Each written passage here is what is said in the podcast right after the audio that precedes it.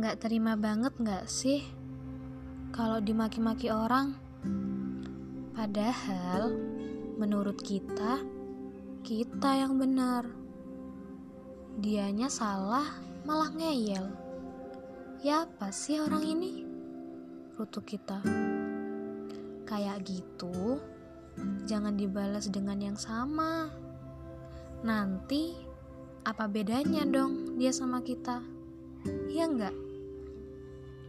Jadi, coba deh kita itu tetap tenang dalam segala situasi, mengambil pesan positif dalam segala keadaan, apalagi yang umumnya menuai kejengkelan, kekecewaan, atau hal lain yang lebih menyakitkan.